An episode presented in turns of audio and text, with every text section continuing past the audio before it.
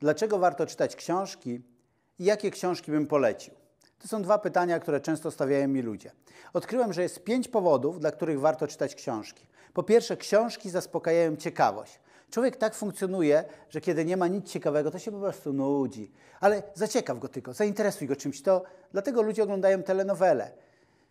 Są jakie są, nie będę tutaj omawiał ich poziomu, ale kończą się w najciekawszym momencie. I człowiek, co będzie dalej? Jest ciekawe.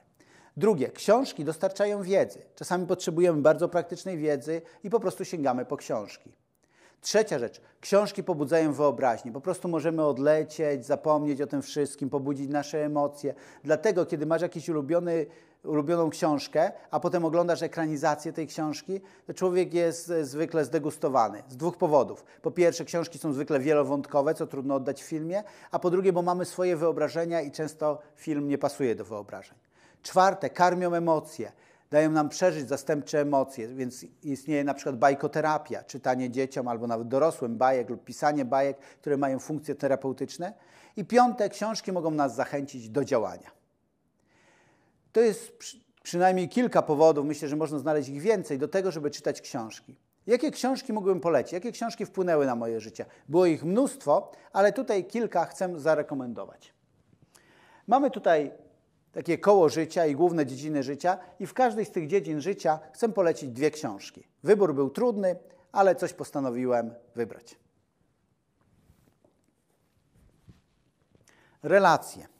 Dwie książki, które mocno wpłynęły na mnie, to jest Pięć języków miłości, książka, która genialnie mówi o tym, w jaki sposób okazywać miłość drugiej stronie, żeby ta druga strona czuła się kochana, a nie tylko wiedziała, że jest kochana.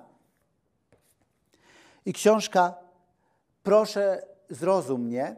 To jest książka, która już w pogłębiony sposób mówi o typach osobowości i to pomogło mi lepiej zrozumieć siebie, lepiej zrozumieć innych i lepiej rozumieć ich motywy i lepiej się z nimi komunikować. Więc jeżeli chodzi o, te, o relacje, polecam te dwie książki. Jeżeli chodzi o pracę, to książka najpierw rzeczy najważniejsze, Książka, która pomogła mi, do dzisiaj pomaga, żeby właściwie zarządzać sobą w czasie. Genialna książka. No, jeden ze zwrotów akcji w moim życiu był właśnie dzięki tej książce. I druga książka to jest Johna Maxwella, Przywództwo, Złote Zasady. Tak naprawdę przeczytałem wszystkie książki Johna Maxwella, które ukazały się w języku polskim, a tą wybrałem jako taką najbardziej dla mnie cenną.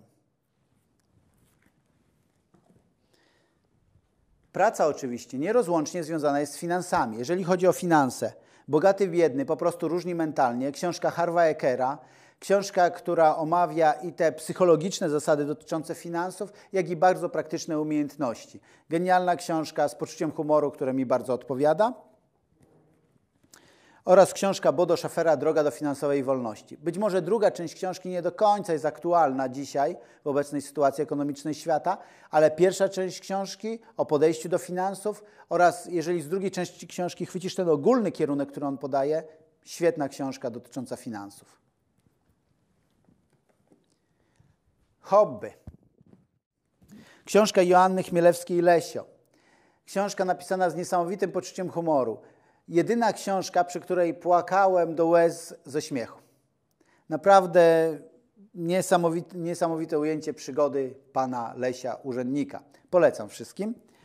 I druga książka, Piłka jest okrągła. Pamiętam, czytałem tą książkę jeszcze w pierwszej wersji z ławki trenera. Książka, która to, to jest autobiografia, czy też notatki z życia y, Kazimierza Górskiego, trenera reprezentacji Polski w piłce nożnej, z którym odnosił największe sukcesy bardzo lubię tą książkę, klimat tej książki, bardzo cenię też tą postać, więc to są książki, przy których odpoczywam. Nie wszystkie, przy których odpoczywam, jest ich więcej, ale te dwie wybrałem. Sprawność i zdrowie. No dobrze, nie będę ukrywał. Ta dziedzina życia to jest ta, z którą się zmagam, ale są książki, które moja żona czytała, poleca. Na podstawie tej y, przeszliśmy w tamtym roku taki sześciotygodniowy post, odtrutkę ciało i ducha ratować żywieniem. A to jest druga książka, Nowoczesne zasady odżywiania. Myślę, że jest wiele książek na ten temat, warto poczytać, ponieważ, jak to ktoś powiedział, współczesny człowiek kopie sobie grób nożem i widelcem.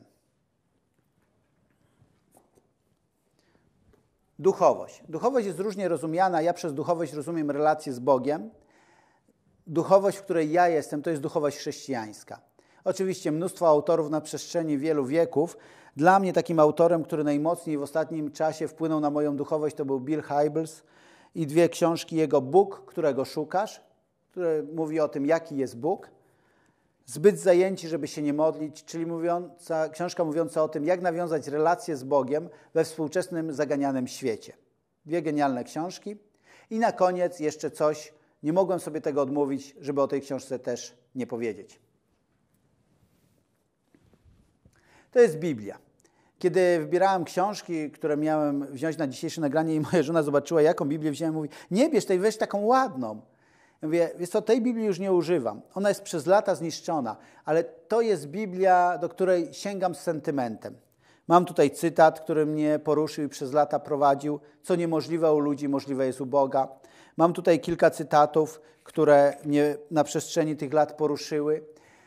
Mam wiele wspomnień, wiele wspaniałych chwil, kiedy czytałem tą Biblię, kiedy mnie korygowała, kiedy nadawała kierunek mojemu życiu, kiedy mnie pocieszała.